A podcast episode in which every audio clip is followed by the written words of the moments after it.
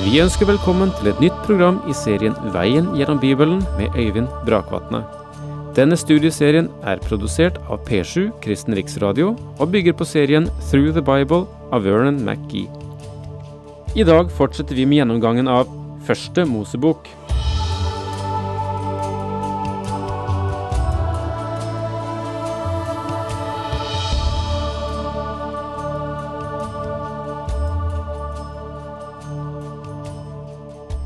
Det er et fint kapittel vi berører her i Første Mosebok, kapittel 49. Det er Jakob som velsigner sine sønner. Kan du se ham for deg? En gammel mann. Og det han vil etterlate dem, er velsignelse. Og du verden så nødvendig det er at vi, som tilhører foreldregenerasjonen, får lov til å bringe velsignelse til våre barn. Det er profetiske utsagn som Jakob gir her for sine sønner, og vi er nå snart ferdig med å gå gjennom hele dette materialet. Men la oss nå gå inn i det 23. verset i kapittel 49 i Første Mosebok. Det er om Josef som Jakob her uttaler seg. Bueskytterne egget ham, de skjøt og satte etter ham, men hans bue er fast og sterk Smidige er hans armer og hender. Han får hjelp av Jakobs veldige, av han som er hyrden, Israels klippe, av din fars Gud. Han skal hjelpe deg, Gud den allmektige. Han signe deg med signing fra himmelen oventil, med signing fra havdypet der nede, med signing fra bryst og mors liv. De to stammene som kom fra Josef, var Efraim og Manasseh og de ble fremstående og meget viktige stammer. I den grad at fra dem kom delingen av riket. Så sterke var de. Din fars velsignelser er rikere enn de eldgamle fjells velsignelser, enn de øvrige høyders herlighet. La dem komme over Josefs hode, over issen til ham som er høvding blant sine brødre. Legg merke til at Jakob forsøker å knytte Josef og de to stammene som vil komme fra ham, til Israels Gud, skaperen, forløseren. Hvorfor? Vel, disse stammene, spesielt Efraim, ledet Israel inn i avgudsdyrkelse. Jeroboam, som ledet opprøret og plasserte de to gullkalvene ved Israels grenser, kom fra Efraim. Så her på sitt dødsleie kaller Jakob dem tilbake tilbake til deres fedres Gud. Benjamin er en rovgrisk ulv, om morgenen eter han bytte, om kvelden skifter han hærfang. Dette er en merkelig profeti angående Benjamin. Benjamin blir nær knyttet til Juda, så sterkt at Benjamin sluttet seg til Judas stamme ved delingen av riket. Benjamins stamme var den eneste som holdt sammen med Davids hus. Jakob sa til sine sønner, Jeg går nå til mitt folk, gravlegg meg da hos mine fedre i hulen på hetitten Efrons mark. Vi ser her at Jakobs død var ikke slutten. Han skulle være med sitt folk. Han ønsket at hans legeme skulle bli ført til den gravplass som Abraham hadde kjøpt og betalt for. Han ønsket å være sikker på at han skulle bli i det landet til den dagen han skulle stå opp og leve der for alltid. Det er den hulen som er Makpela-hulen øst for Mamre i Kanaan, det jordstykket Abraham kjøpte av hetitten Efron som gravsted til odel og eie. Her kan vi se hvor mye denne mannen kjenner sin egen families historie. Jeg tror ikke at han hadde med seg en nedtegnet utgave på den tiden, men han hadde alle opplysninger i sin hukommelse. Der gravla de Abraham og Sara hans hustru, der gravla de Isak og Rebekka hans hustru, og der gravla jeg Lea. Det er ikke først og fremst det at han var interessert i å bli begravet sammen med Lea. Vi får huske at Rakel ble begravet i Betlehem, men han ønsket å bli begravet der han vil bli oppreist fra de døde ved en oppstandelse, slik at han vil være akkurat der når Gud fullbyrder sitt løfte til nasjonen Israel. Marken og hulen der er kjøpt fra hetittene. Da Jakob hadde gitt sine påbud til sønnene, trakk han føttene opp i sengen, så utåndet han og gikk til sine fedre. Det er interessant å se at selv til det siste hadde Jakob sine føtter på jorden. Han begynte livet sitt som et kjødelig menneske. Han grep tak i sin brors hæl ved fødselen, som var årsaken til at han ble kalt Jakob, den som narrer eller lurer. Han levde opp til det navnet, og det ble karakteristisk for ham. Han grov til seg alt det han kunne, og prøvde alltid å få være først. Alle metoder var tillatt i Jakobs streven. Som en ung mann gikk han gjennom livet i egen kraft og styrke. Han stolte bare på sin egen dyktighet og selvstendighet. Han trodde han kunne ta vare på seg selv og ikke trengte Gud.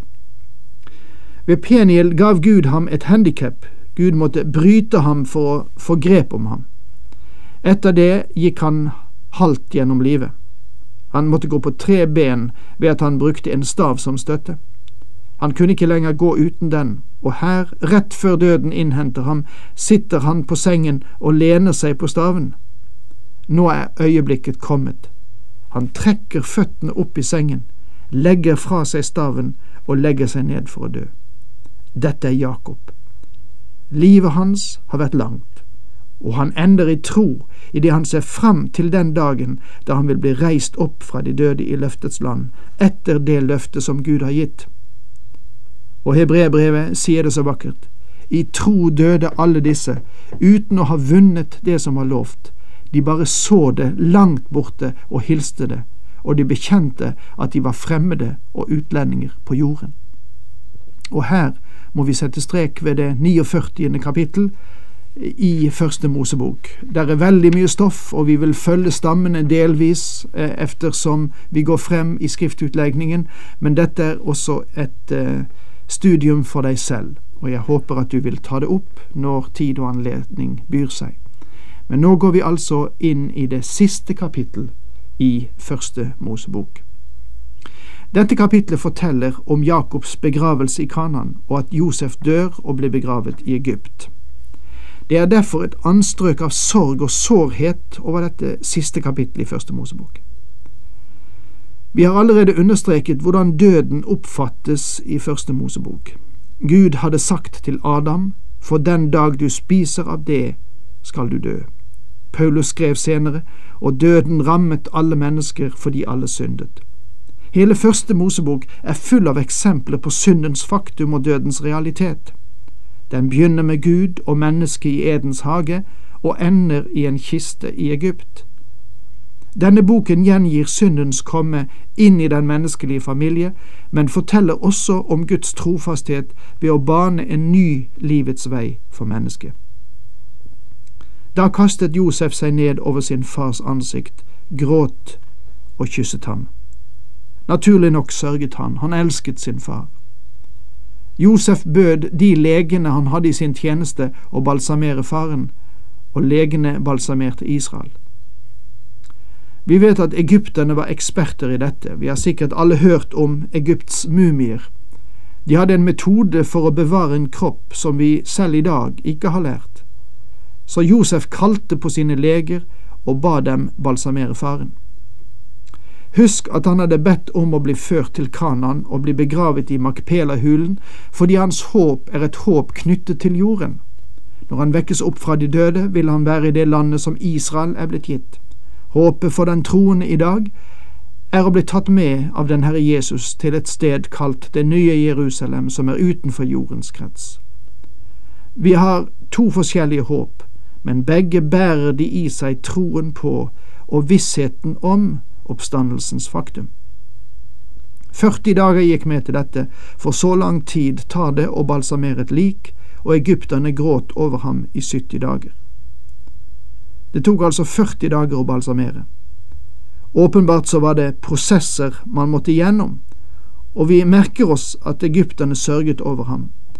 Jeg tror ikke at dette var knyttet til en profesjonell gruppe av sørgere. Jeg tror at han var blitt kjent som en hellig mann i Egypt, og var ganske sikkert respektert som Josefs far. Josef var utfrieren, men jeg tror at hans far Jakob var kjent som en av Guds store hellige menn. Da sørgetiden var slutt, sa Josef til faraos hoffolk, Har dere godvilje for meg, så tal min sak hos farao og si, Min far tok en ed av meg og sa, Når jeg nå dør må du legge meg i den graven jeg lot grave for meg i Kanan. La meg derfor dra opp og begrave min far, og så komme hit igjen. Farao sa, Dra bare opp og begrav din far, slik som du har lovt ham.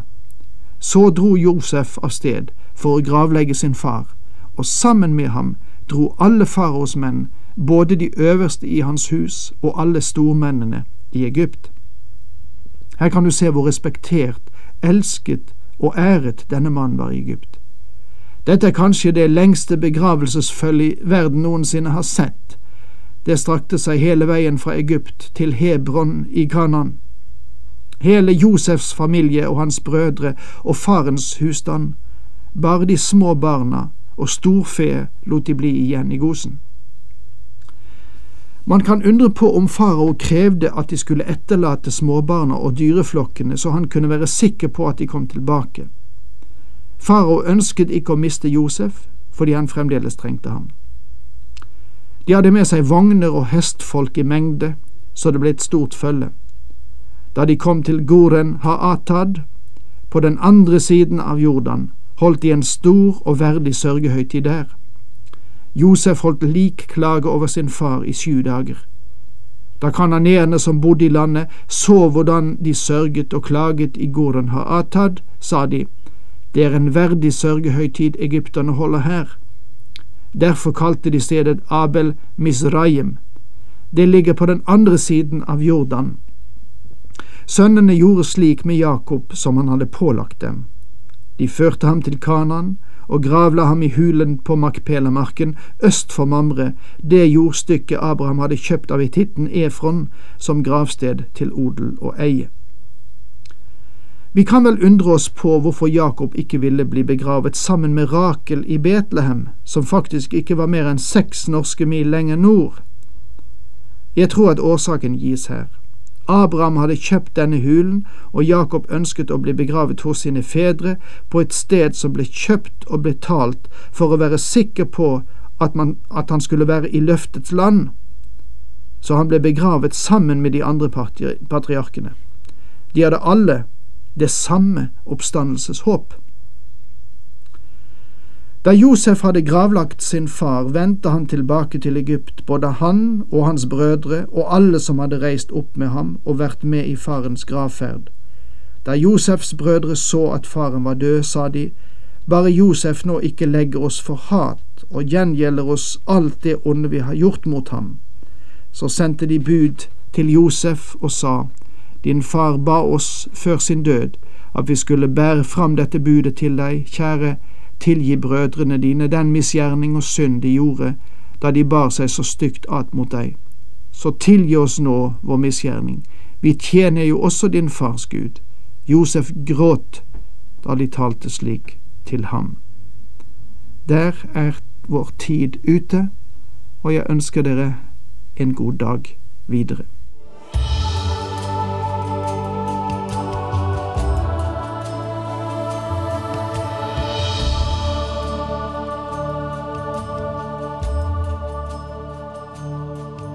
Du hørte Øyvind Brakvatne i studieserien Veien gjennom Bibelen. Serien bygger på et manus av Vern McGee. Har du spørsmål eller kommentarer til programmet, kan du sende en e-post til vgb krøllalfa p7.no. Takk for i dag, og på gjenhør.